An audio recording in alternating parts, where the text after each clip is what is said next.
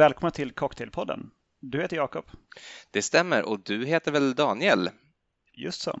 Och den uppmärksamma lyssnaren har nog hajat detta vid det här laget. Men vi fortsätter ändå i samma stil. Man ska ju ha en bra catchphrase i början. Ja. Och, eh, en cocktail, Cocktailpodden, en podcast om cocktail, är väl eh, utbildande på ett sätt som, som bara riktigt bra barnböcker kan vara ibland. Mm, precis. Intressant då att du ändrade lite grann i den. Eh, jo, man ska hålla folk på tårna också. kanske är det som till slut kommer att generera det här näthatet som du har efterfrågat i princip sedan vi startade med podden. Vem vet? Ja, det är nästan lika vanligt nämnt som eh, årets sommarcocktail. Ja, herregud. Just det. Ehm, dagens ämne är vodka. Just detsamma. Just Och detsamma. det, alltså, det är spännande i och med att det är en spritsort som inte dök upp vare sig i nödvändigheter, de tio första flaskorna, eller nödvändigheter, eh, de tio följande flaskorna. Som inte tagit upp vodka överhuvudtaget. Nej, det, Eh. det, det känns ju nästan som att det är på pin kiv. Ja, jo, men det har nog varit det lite grann också. Och nu får vi nog eh, fundera lite grann på varför vi har gjort så. Mm. Varför är vi så fina i kanten att vodkan har fått stå till sidan? När vodka ju är en så otroligt populär eh, spritdryck. För det är det nog alltjämt. Jag tror att vodkan kanske hade sin absoluta storhetstid på 80 och 90-talet. Eh, men eh, att det dricks fortfarande. Alltså det säljer volymer. Jag tror jag såg någon siffra att 25 procent av all starksprit i USA är vodka. Jag vet inte riktigt vad man ska ställa det i relation till, förutom då att allt annat tillsammans är 75 procent. Men eh, det är svårt liksom. men, men, men det måste ju vara, om inte den mest sålda typen av sprit, så åtminstone eh, nästan. Det är säkert någon asiatisk sprit som är den mest sålda tror jag. Ja, Någon som man inte hört talas om liksom, ännu. Men så snart kommer det komma till en sour nära dig. jag, jag kollade faktiskt inför avsnittet bara på de mest sålda vodka-brandsen i världen, apropå just det. Eh, och då är ju, tror jag, Smirnoff etta. Eller om det var Stolichnaya. Nej, Smirnoff. Smirnoff är Smirnoff väl... måste det Ja, vara. precis. Stolichnaya är det lite som är lite finare. Men liksom plats tre, fyra, fem, sex, det var liksom massa ukrainska Alltså de som man aldrig hört talas om. Nej, och som typ inte ens har en latinsk översättning i namnet, så de måste kunna kyrilliska bokstäver för att överhuvudtaget säga vad de heter. Man misstänker att de mest caterar till hemmamarknaden där. Det är väl en, eh, en rimlig gissning. Möjli- möjligen till den stora och eh, för tillfället ganska aggressiva grannen i öst. Vi kanske ska börja väldigt, väldigt basic bara med vad, vad vodka är. Mm. Och eh, det misstänker jag att du har kollat på och kommit fram till någonting. Ja, eh, vill du eh, komma med en gissning? Eh, Du kanske redan har kollat upp det Jag skulle säga att det är sprit jäst på spannmål eller potatis. Mm. Skulle jag säga. Men man kan säkert jäsa det på, liksom på vad som helst bara det är liksom en jordbruksprodukt. Precis, du är väl... eh, Jag tänkte säga, du är på rätt väg. Det är du ju, fast ändå inte riktigt. Du ändå förvillar dig ner i diket ganska tidigt där på vägen. Vodka kan ju mycket riktigt vara eh, gjort på spannmål och på potatis. Det är väl i själva verket eh, det allra, allra vanligaste eh, produkterna som man har att göra vodka på. Men det är inte ett krav. Och Dessutom finns det ju många andra sprit som är gjort på spannmål. Whisky till exempel. Just det. Men just med att det också ska vara en neutral sprit, alltså Mm. utan, utan smaksättning i efterhand. Just det, ja, det- det, det är ju inte heller riktigt sant. Eller utan tydlig smaksättning ska jag säga. Ja, men precis. Eh, Det är ju, du kan ju smaksätta vodka och kalla det vodka. Ja, det är sant. Just det, då har man ju citronvodka och pepparvodka och allt möjligt vodka. Just det, men, men själva liksom råspriten, det som du smaksätter, det ska ju då vara utan distinkt karaktär, det stämmer. Men det är så här, det skiljer sig lite grann från plats till plats och jag har kollat upp lite grann vad som gäller i EU och vad som gäller i USA. Men i EU är det i princip, du gör en sprit på vilket, eh, vilken råvara som helst. Eh, du kan göra den på citronjuice, du kan göra den på druvor, du kan göra den på äpple, du kan göra den på vete, på råg, eh, potatis, på majrovor, till och med på sötpotatis har några galningar försökt sig på att göra vodka. Är det någon som gör majrovevodka? det, det, det, det, tror jag att det, att det kan vara faktiskt. Det skulle kunna funka väldigt bra till eh, Palmyras kebab. Ja, just det. Med de här små... Med de här rosa eh, majorove-grejerna som man kan få till. Exakt. Eh, ja, men eh, det som är grejen sen då, det är egentligen vad som händer efter det här, efter att ha jäst din, eh, din mäsk som du väl kanske kan få upp till en 10 procent ungefär, som det, det spännande händer då, eller det som gör att det blir vodka. För därefter så måste du liksom destillera upp det där extremt högt. Eh, en vodka måste destilleras upp till minst 95 alkoholhalt och därefter spädas ut igen med vatten till eh, som lägst 37 och en halv procent i EU och som lägst 40 procent i USA. Eh, det här med att man kan använda vilka råvaror som helst och göra sin mäsk på, det har ju förargat många av de här traditionella vodkatillverkarna som tycker att det är fusk att ta frukt det är så enkelt. Och det... det är mycket godare än potatis. och, och, det dessutom är ju det är inte så vi alltid har gjort det och vi kan inte börja göra frukt nu eh, för, för det, så det är liksom inte vårt legacy. Ehm, och försökt att pitcha det i EU-parlamentet för att få till en, eh, en definition som utesluter all typ av fruktbaserad vodka men har inte lyckats med det. Däremot så har de lyckats få EU eh, e att bestämma att om om det inte är gjort på spannmål eller potatis så måste man skriva ut på flaskan vad det är gjort på.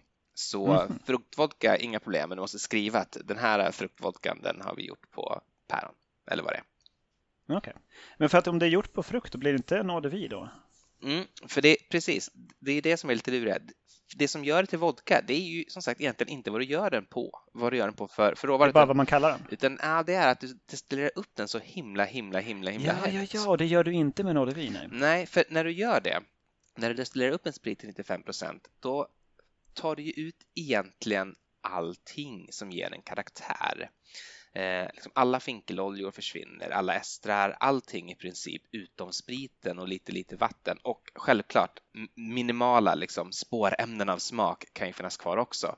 Men de kan du nästan säga hej då till när du sen liksom häller i hälften vatten i den där brygden.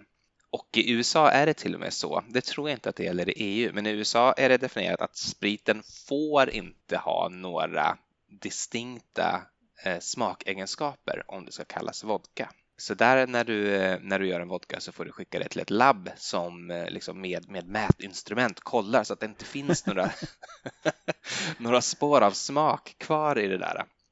Mm, okay. För då får du inte kalla det för vodka. För det ska, eller smak, alltså, vodka smakar ju någonting, det har ju en smak.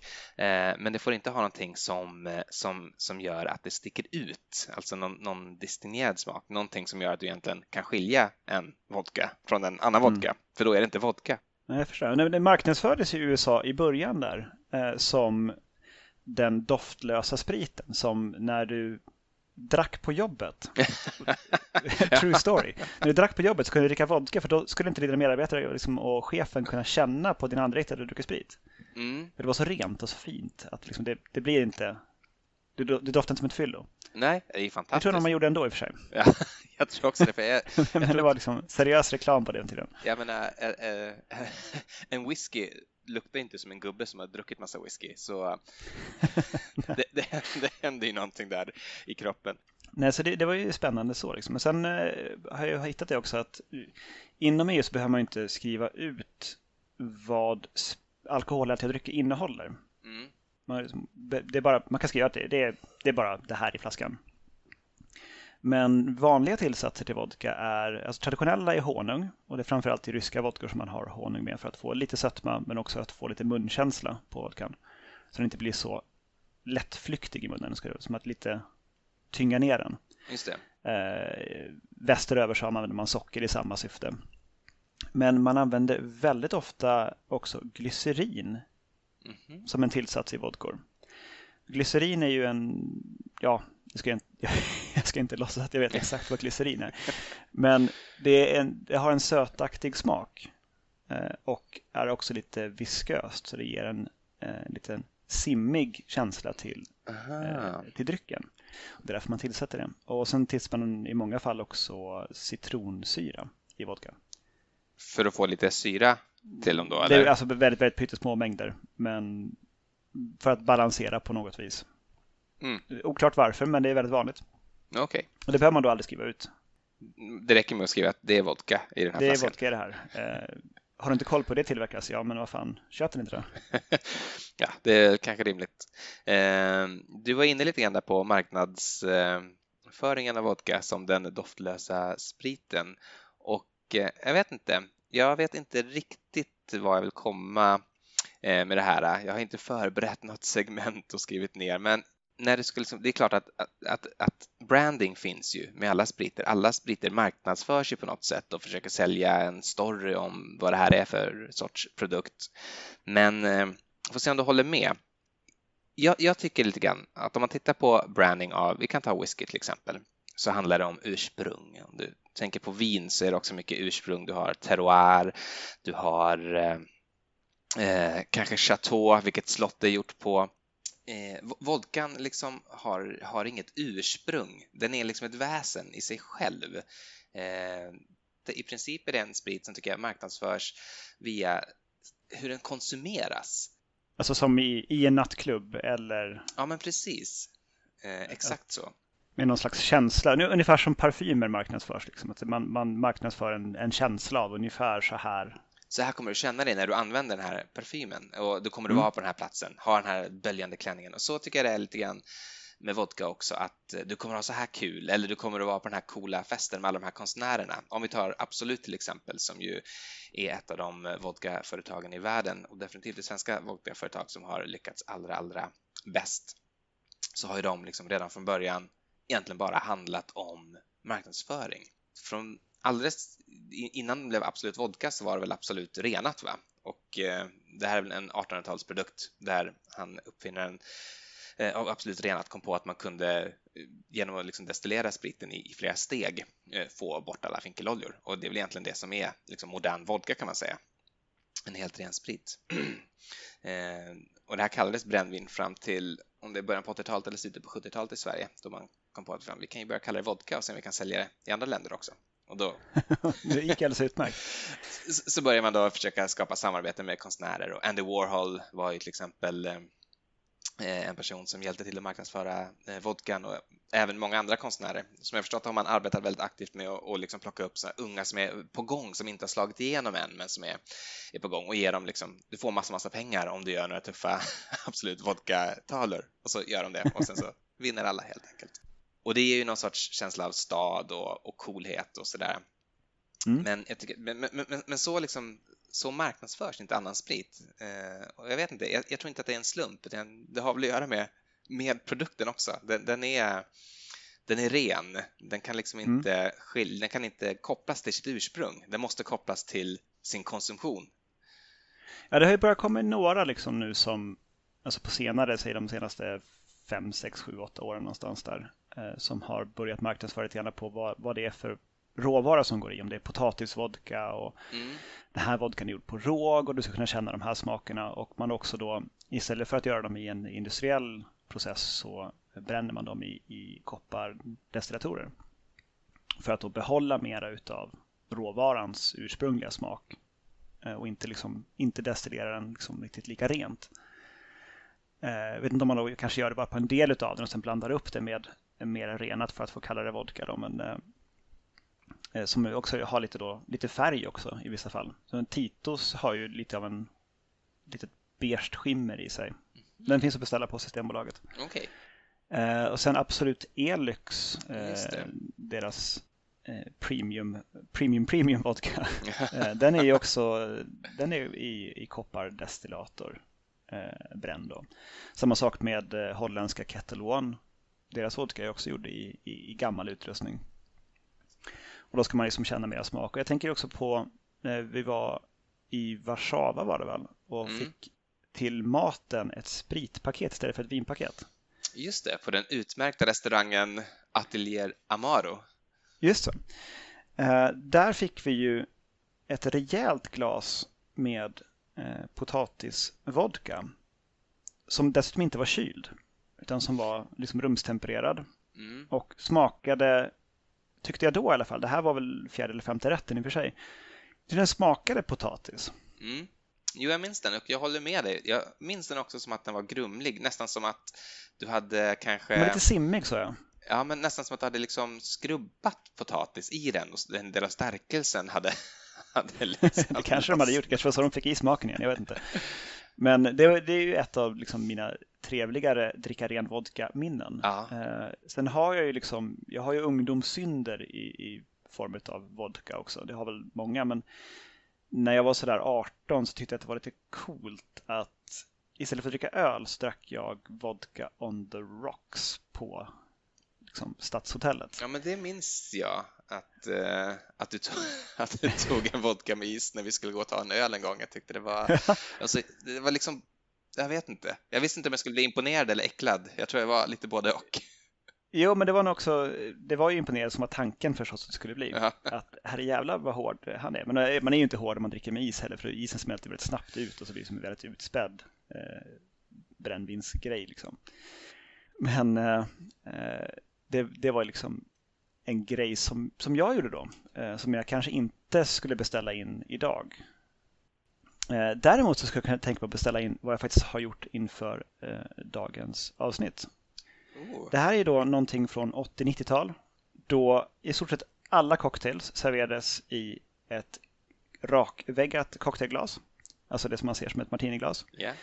Och eh, innehöll vodka, någonting sött och någonting syrligt. Det här är en Raspberry Martini.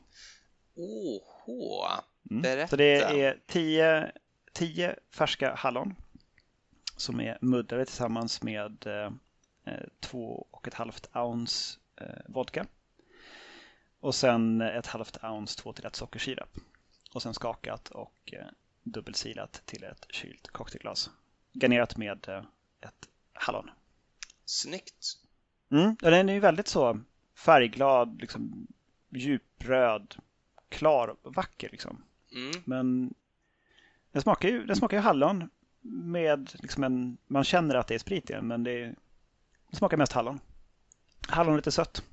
Precis som, eh, som cocktails då var liksom på 80-90-talet. Man skulle inte känna av spritsmaken så mycket. Skulle inte, liksom, hade man gin med så skulle ginen döljas, men helst hade man vodka tror jag. Ja, precis. Det där minns jag ju. Att det högsta betyg man kunde ge till en drink var shit vad gott, man känner inte spriten. precis. Och det är, lite, det, är liksom, det är det också som cocktailrevolutionen om man så vill kalla den. Det, det finns ju som säger så, men liksom det, här, det här nya liksom med att man gjorde cocktails från grunden och inte använde sour mix och sådär. Det blev ju som en motreaktion mot det här. Man ville känna spritsorterna, man ville inte bara ha liksom en, någonting att bli full på som smakade frukt. Eh, och då, eh, men så när eh, Milk and Honey öppnade så gjorde man en grej av att man inte hade någon vodka alls mm. på menyn. Mm. Det fanns ingen vodka i baren och det Milk and Honey gjorde, gjorde ju alla andra. Så det har ju spridit sig liksom bland eh, hängselbärande bartenders över hela världen att men, vodka det är ingenting man Visst, vi kanske har en flaska någonstans och vill någon beställa någonting med vodka så vi kan väl göra det men vi kommer att blängas ut på dem. Mm. Det kanske är lite liksom på väg att ändras. Man, man kan nog öppna upp för att med en, en, en bra vodka så kan man kanske göra någonting som är är värt liksom att, att dricka ändå. Eh, inför det här avsnittet så gjorde vi eh, Black Russian och White Russian. Mm. Eh, och då är det inte liksom den, den, White Russian man kunde få på Stadshotellet på 90-talet. Det, det, är liksom, det är en mjölkdrink ja. med lite Kahlua och lite, lite vodka i. Alltså som en long drink i ett Collinsglas. Just det. Det är ju inte en White Russian riktigt så. Eh, White Russian är ju lika delar eh, kaffelikör, vodka och grädde. Inte mjölk då. Mm.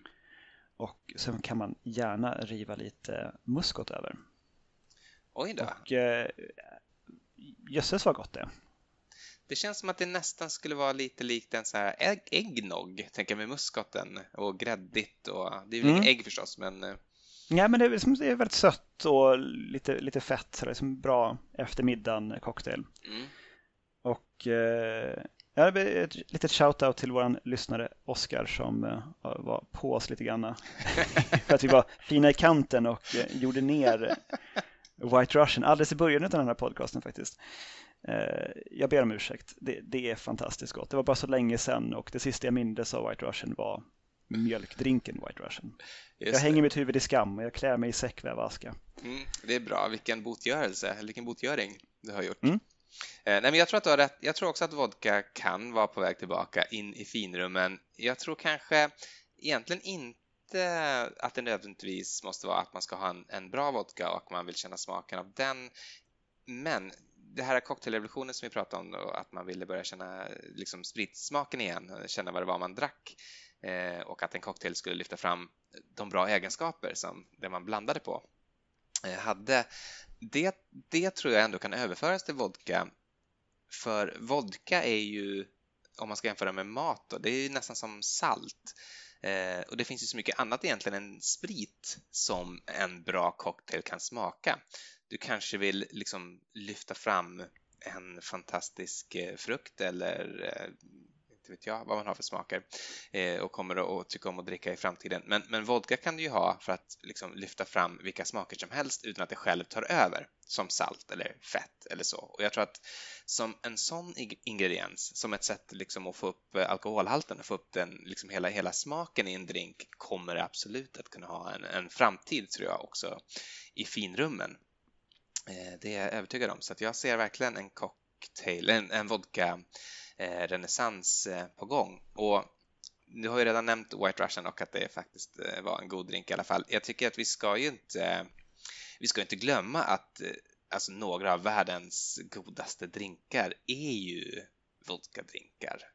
Espresso Martini har vi nämnt. Den har vi nämnt flera gånger och med goda skäl. Jag är glad att du nämner den igen. Även till exempel den här som jag har i mitt glas som liknar lite grann det du just höll upp. Är det en Cosmo? Yes, det är precis vad det är. Jag eh, har ju haft semester och varit uppe sent om nätterna och, och en, en, en natt när vi var uppe och slötittade på TV så dök det upp ett gammalt avsnitt av Sex and the City som vi båda älskade, jag och Linda, när, eh, när det gick då första gången och har liksom sett och sett om. Jag, jag har säkert sett hela serien tre, fyra gånger från början till slut, men nu var det jättelänge sedan. Men slogs av hur, vilken ofattbart bra serie det är. Så därför har jag hyllat, hyllat Sex and the City genom att göra en Cosmo. Mm. Ja, jag provade också faktiskt att göra en Cosmo innan, eh, alltså på väg mot det här avsnittet då. Eh, just också för att eh, eh de har ställt ur Emelies mormors eh, hus. Hon, hon har fått flytta till, eh, till ett hem. Och då fanns det liksom gamla flaskor från 80-90-tal i ett skåp. Och då fanns det just en eh, Absolut citron. Aha. Som ju det ska vara, exakt det i Cosmopolitan. Det ska ju vara en citronvodka. Mm, det finns ju olika varianter. Jag har använt Dale DeGroffs eh, recept till min som inte har citronvodka. Delvis har jag valt det eftersom jag inte har någon citronvodka eh, hemma. Jag kan ju dra det eh, ändå, det jag har gjort.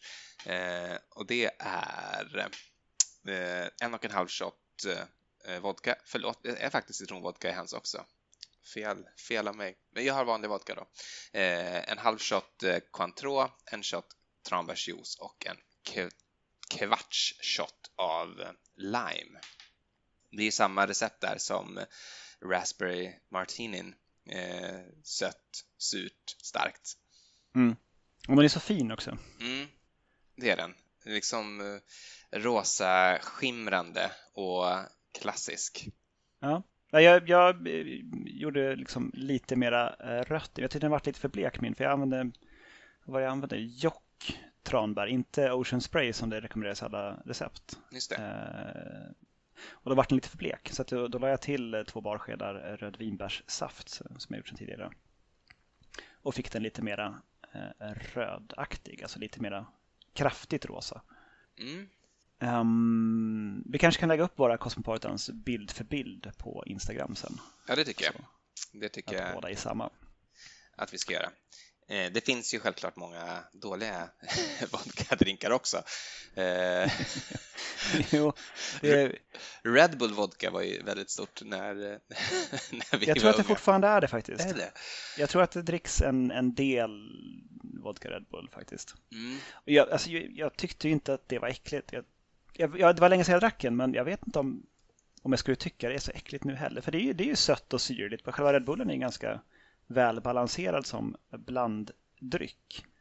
Mm. Eh, sen är det en väldigt, som väldigt medicinsk eh, hallonsmak på den. Alltså ungefär som hostmedicin när man var liten. Just det. Eh, det, är kanske är därför den har varit så framgångsrik också. För att den liksom knyter an till barndomsminnen av att man varit omhändertagen.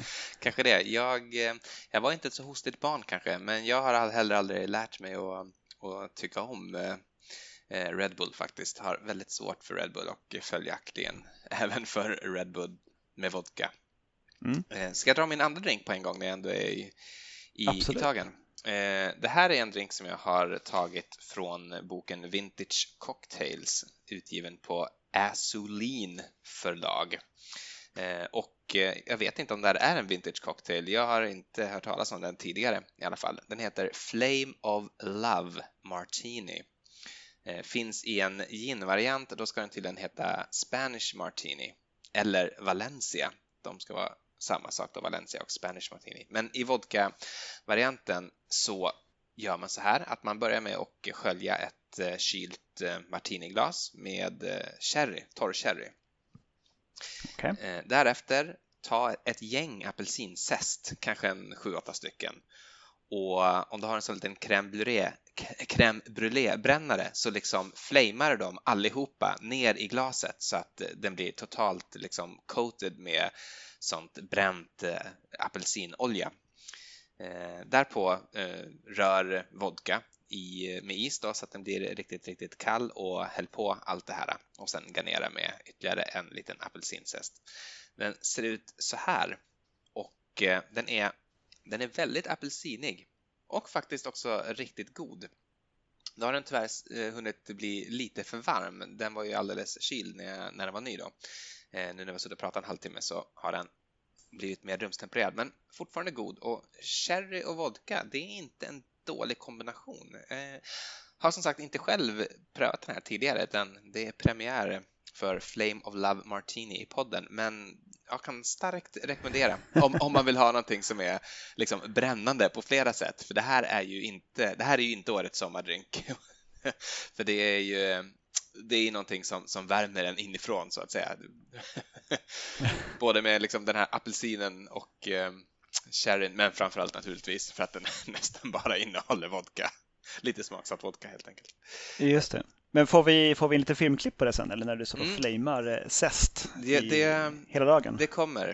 Eh, det kommer. Vi, jag tvingade Linda att stå och filma mig med sin eh, telefon när jag stod och klämde zest över, över glaset. Så absolut, det kommer ni att få se. Mm. Det finns lite andra grejer som vi borde nämna också inom det här avsnittet. Vodka tonic mm. kan man tänka sig. Moscow Mule har vi nämnt tidigare. Mm. Eh, snabbt dra receptet bara för den som inte har lyssnat från början av Cocktailpodden. Och det är två ounce vodka. Den ska helst vara av rysk härkomst mest för sakens skull. Eh, ett halvt ounce limejuice och två stänk angostura har jag lagt till, men det är inte klassiskt. Det ska egentligen bara vara vodka, limejuice och sen så toppar man upp med ginger beer. I ett förväxla med ginger ale och sen ska det vara i en kopparmugg. Allra helst med en sparkande åsna graverad på utsidan. Men det går även i en vanlig kopparmugg. I glas däremot blir det inte riktigt samma sak. Nej, Eh, delikat, läskande, underbar drink. Eh, ytterligare mm. en av vodkans stora eh, framgångar. Precis. Sen så har jag också eh, förberett lite sakuski. Som inte är en cocktail utan som då är liksom det ryska sättet att dricka vodka på. Eh, att man har lite, tilltugg helt enkelt, för det är också det som sakuski betyder. Eh, traditionellt så har man smetana som är en, en gräddfils crème fraîche liknande syrad grädde eh, mjölksyrad gurka och honung. Just det, i botten va, på, på mm. smetana, i botten på smetanan? Ja, eller bara liksom i en separat liten bytta som man kan liksom droppa på. Okej. Okay. Så man, lägger man det på sin eh, gurka och sen så dricker man sin vodka och sen äter man sin gurka därefter. Och det, det är ett väldigt behagligt sätt att, eh, att dricka sin, sin vodka. Det passar väldigt bra ihop. Mm. Och när jag tänker efter, vad hette det sa du, det här sättet? Zakuski. Zakuski. Det är ju också, det, har ju, det är lite uppbyggt som en cocktail. Har du tänkt på det? För du har ju syran från eh, gurkan och framförallt från smetanan. Du har sötma mm. från honungen. Du har sprit då från, från vodkan, ja. någonting starkt. och även lite kryddning från gurkan tänker jag, för den är väl ofta liksom dill eller typ senapsfrö eller någonting sånt i den. Ja. Eh, och naturligtvis också eh, salt. Det kanske inte är en vanlig cocktail, men vi kan sätta salt på krydd. Precis. Men jag tycker man, man, har tänkt på lite ja, det, det är en väldigt bra poäng där. Att de liksom satt ihop en, en upplevelse som påminner om en cocktail. Mm. Så det om det. Jo, innan avsnittet provade jag också Vesper Martini. Just det. Den som eh, Bond eh, brukar ge sig på och eh, dricka. I alla fall i första eller andra böckerna, alltså då med eh, Casino Royale, där är han igång med Vesper för hans kvinnliga motpart heter Vesper. Ja. Och då beskriver han också i boken precis hur den här ska göras, lite smådrygt för en bartender. Och då är det tre delar gin, en del vodka, en halv del Lillet Blanc. Den ska skakas och sen garneras med en lemon twist. Mm. Därför han säger shaken då antar jag, även i framtiden. det är lite oklart faktiskt. Det är, det är en, flera filmer in innan han överhuvudtaget nämner att han vill ha sin vodka martini shaken not stirred. Alltså det är typ tredje eller fjärde filmen med Sean Connery där det där dyker upp. Ja, okay. I början, alltså typ Goldeneye, eller Gold, nej, Goldfinger heter den. Goldeneye är mycket senare. Som eh, det dyker upp först att han ska ha en skakad vodka martini det om det. Vodka Martini, jo just det, under den här liksom cocktailrevolutionen så har man också fnyst åt Vodka Martini och sagt att det är inte en martini, det ska vara på gin. Mm. Och de har kallat en Vodka Martini för en Kangaroo.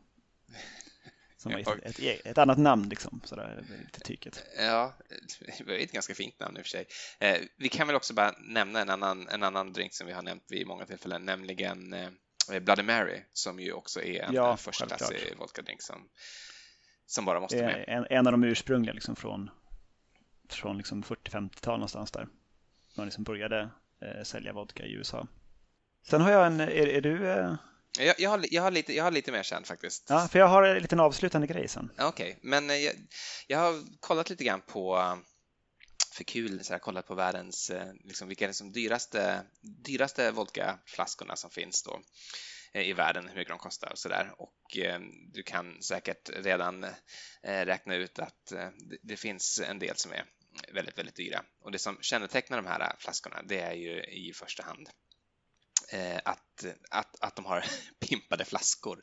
Det går ju som sagt liksom inte att göra en, en vodka egentligen hur lyxig som helst. Man har ju lite så här gimmickartade försök också att eh, säga att den här är filtrerad genom diamanter eller vi har lagt några rubri, rubiner i botten på flaskan för att den ska ska, ska ta smak av lyx och sådär.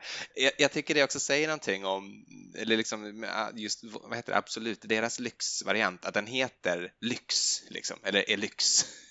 Det, det, det är ett ganska direkt eh, sätt att säga vad man menar. Jag menar att det här är, det här är en lyxiga vodkan. Ja, ja, okej, det är därför den heter lyx. Liksom. Ja, det, det är därför.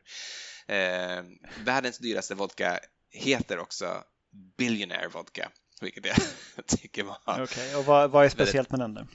Ja, det är också att det det det är väldigt, den är filtrerad genom diamanter och den, är, den har en väldigt dyr fin flaska. Eh, och att det är just flaskan som är grejen, det tycker jag kan illustreras av en liten anekdot som jag tänker bjuda på nu. Eh, det finns något destilleri som heter Russo Baltic. Eh, här har inte talas om tidigare, men de gör sådana liksom premium vodka-produkter. Och eh, en av deras flaskor med vodka har varit, liksom varit utställd på olika museer för att den under en period var väl världens dyraste. Och den kunde man köpa då för 1,3 miljoner dollar kunde man köpa den här vodkan. Och eh, den kom, verkligen. Eh, den kom till Köpenhamn där det finns ett vodkamuseum och så stod den liksom i kaféet där eh, på, på utställning. Men det var väl inte speciellt bra vaktad för plötsligt kom det en full dansk och bara roffade åt den och kutade iväg och ingen hann stoppa honom. Eh, mirakulöst nog så hittar man den här flaskan dagen efter, tömd eh, och bara bortslängd. Inte så mirakulöst att den var tömd känner jag. Men tömd och, och bortslängd på ett bygge. Eh, och eh, då gjorde man så här att ägaren fick tillbaks flaskan, han bara hällde på bara någon liksom, vodka som han hade där liksom sin egen vodka, satte på korken igen och sa att det här är samma sak. Så den kostar fortfarande 1,3 miljoner ifall någon vill köpa den. Eh, men, men, men, det är ju lite så här fringe-produkter. Eh, det jag egentligen ville prata om är en, en annan eh, vodkaprodukt som har lyckats väldigt bra just genom branding och jag vet inte om du kan gissa vilken jag tänker på. Det är kanske den vodka som jag tror att de flesta skulle säga är en lyxvariant om man frågade, säg en lyxig vodka. Grey Goose. Ja, exakt. Känner du till historien om Grey Goose? Nej, inte alls faktiskt. Jag vet bara att den, den, den är vanlig liksom. Den är vanlig och den har inte funnits så länge. Den såg väl dagens ljus 1996 första gången. Och eh, den brandas ju som att det är en fransk vodka och att den är tillverkad i Frankrike och gjord på franskt vete och från ett speciellt fält och, och sådär. Och allt det där är förvisso sant, men eh, det är en i högsta grad amerikansk idé, en Grey Goose. Eh, för på 90-talet och 80-talet så hade ju Absolut Vodka liksom sopat banan med alla andra och det var ju en dyr vodka och eh, då fanns det en man i USA som hette Sidney Frank som kom på idén att om man kan sälja vodka för 30 dollar flaskan kanske man skulle kunna sälja en vodka för 60 dollar flaskan. Och han hade tidigare fått rättigheten att importera Jägermeister till USA exklusivt och gjort det, liksom brandat sig väldigt hårt mot collegestudenter och mot fest. Och Jägermeister idag är ju fortfarande en sån dryck som marknadsförs som fest. Tre killar sitter på en bar och så säger de ice cold eller någonting och sen så fastnar glaset på läppen för att de är, den är så himla, himla kall. Ja, just det. Den reklamen hade jag glömt bort. Och det, det, är han liksom som ligger bakom det. Det var hans idé som kom på att den här liksom Kreuter-likören som jag tror att de sålde typ 500 flaskor om året eller sånt där i USA och det var liksom en speciell gata där det bodde typ sju tyskar. Det var de som köpte allihopa. Eh, I USA alltså. och han råkade gå förbi där en gång och sa att den här flaskan, den har ju liksom ingen hört talas om. Jag kan göra den till min. Det är lite grann som eh, grön chartreuse och eh, swampwater då? Ja, men lite, lite samma. Eh, och han lyckades ju väldigt väl med det här. Den eh, vart ju en super, super duper framgång. Men eh, det var ändå liksom bara förspelet till hans, hans verkliga framgång i livet och det var Grey Goose. Eh, absolut eh, hade som sagt gjort total succé i USA och han tänkte att eh, det kanske går att sälja ännu dyrare vodka. Eh, problemet är ju att det finns ingen vodka som är fin. Liksom. Det, fin det, finns ingen historia om, om vodka och ursprung och sådär. Eh, och han tänkte att det ska jag uppfinna. Så han började ringa runt till franska distillerier bara och fråga kan ni göra en vodka? Nej, vi, det, det, är för tråkigt. Och, kan ni göra en vodka? Nej, det är för tråkigt. Sen så var det någon som sa ja men visst, vi kan, vi kan göra en vodka. Eh, och så då sa han ja men den, den ska heta något med Frankrike, ha typ några franska gäss på den och sådär. Och så bara hittade han på ungefär hur den skulle se ut. Eh, och så bara gjorde de en helt vanlig standard liksom, vodka efter, antar jag då, dåvarande europeiska regler. Eh, men han gav dem väldigt noggranna instruktioner hur det skulle förpackas och så. Så han sa att ja, men det ska vara halm i, det ska vara i, i trälådor ska ni köpa hit dem. Det ska vara halm i lådorna. Så man öppnar så ska de stå liksom med, med, med halm så att, eh, så att det ska kännas lantligt och sådär. så han tog Jag hade ingen aning om det här. Det är jättekul. Eh, så han, han på, på, hans beställning då, det här var då i mitten på 90-talet, 96 kom de första liksom halmfyllda lådorna till USA och sen så tog han med dem och gick runt till bartendern och sa att det här är världens absolut bästa vodka. Den är från Frankrike och ni vet ju liksom att om något om något är kvalitet, då är det franskt och det gäller också för den här vodkan som jag har lyckats, lyckats liksom leta fram under mina resor i Europa och liksom tog upp dem och skruvade. Det är en sån kork va, som är en ploppkork, det är inte en vanlig skruvkork utan en sån liten kork som det brukar vara på whiskyflaskor och så där. Och så höll jag på att visa och demonstrera och folk liksom tyckte tusan det här är ju gott. Eh, de var med då i några tester och, och vann typ världens bästa vodka i typ New York Times eh, vodkatest 99 eller något sånt. Eh, sen senare i ett blindtest så kom den inte med överhuvudtaget. Eh, eh, och ja, det, det, är liksom historien bakom det här helt enkelt. Så det, det har en väldigt oautentisk början, men en väldigt, eh, väldigt autentisk vodka, för den redan från början handlar om, handlar om marknadsföring, precis som jag tycker att det är liksom vodkas stora idé. Ja, det, sen så kom det då till slut någon som tänkte så här, men fan, undrar man kan sälja vodka för en miljon?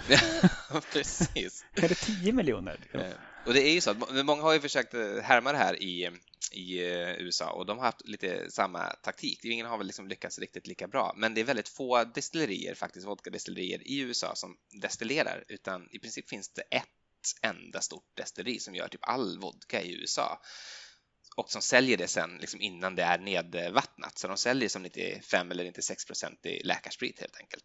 Och så får man köpa det och så får man då liksom blanda till det själv med det vatten som man har speciellt. Liksom.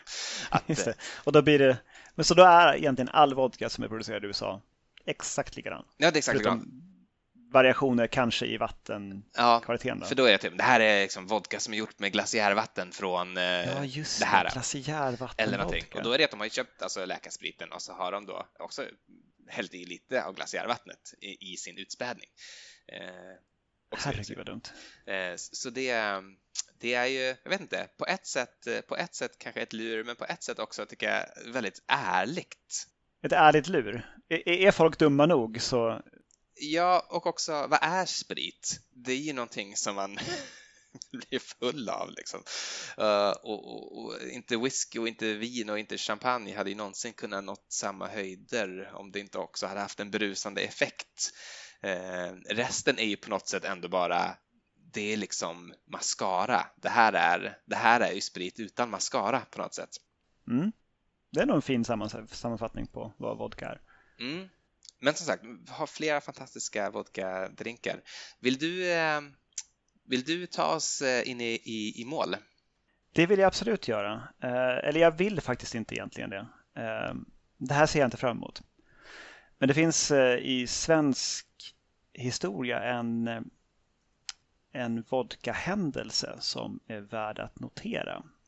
Som skedde 1989 då Christer Pettersson Eh, blev frikänd av Svea hovrätt för mordet på Olof Palme och eh, lämnar sin eh, lägenhet för att gå över till grannens lägenhet och blir anstormad av journalister med kameror och mikrofoner.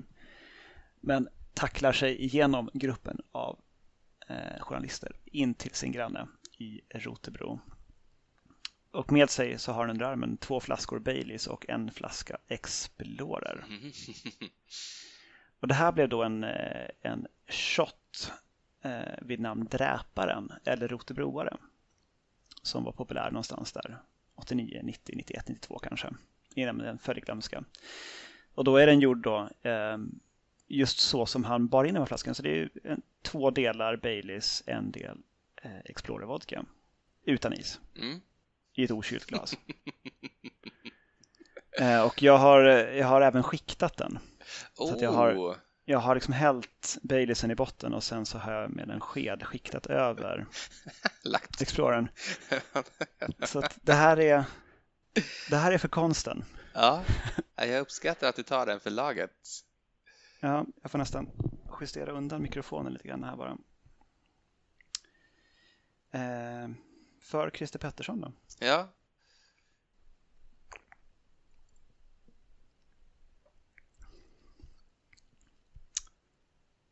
ja, det är ju vad det är liksom. Det är vad man förväntar sig. Det är en extra stark Baileys. ja. Um, och Baileys är ju gott. Lite för sött ibland, så det är lite torrare Baileys. Men jag är inte jättesugen på en till. Jag tycker att efter, efter denna geniala lilla eh, avslutning så passar det ju bättre än någonsin att säga skål och kanske framför allt godnatt. Så skål och godnatt Daniel. godnatt Jakob. Tack för idag. Tack.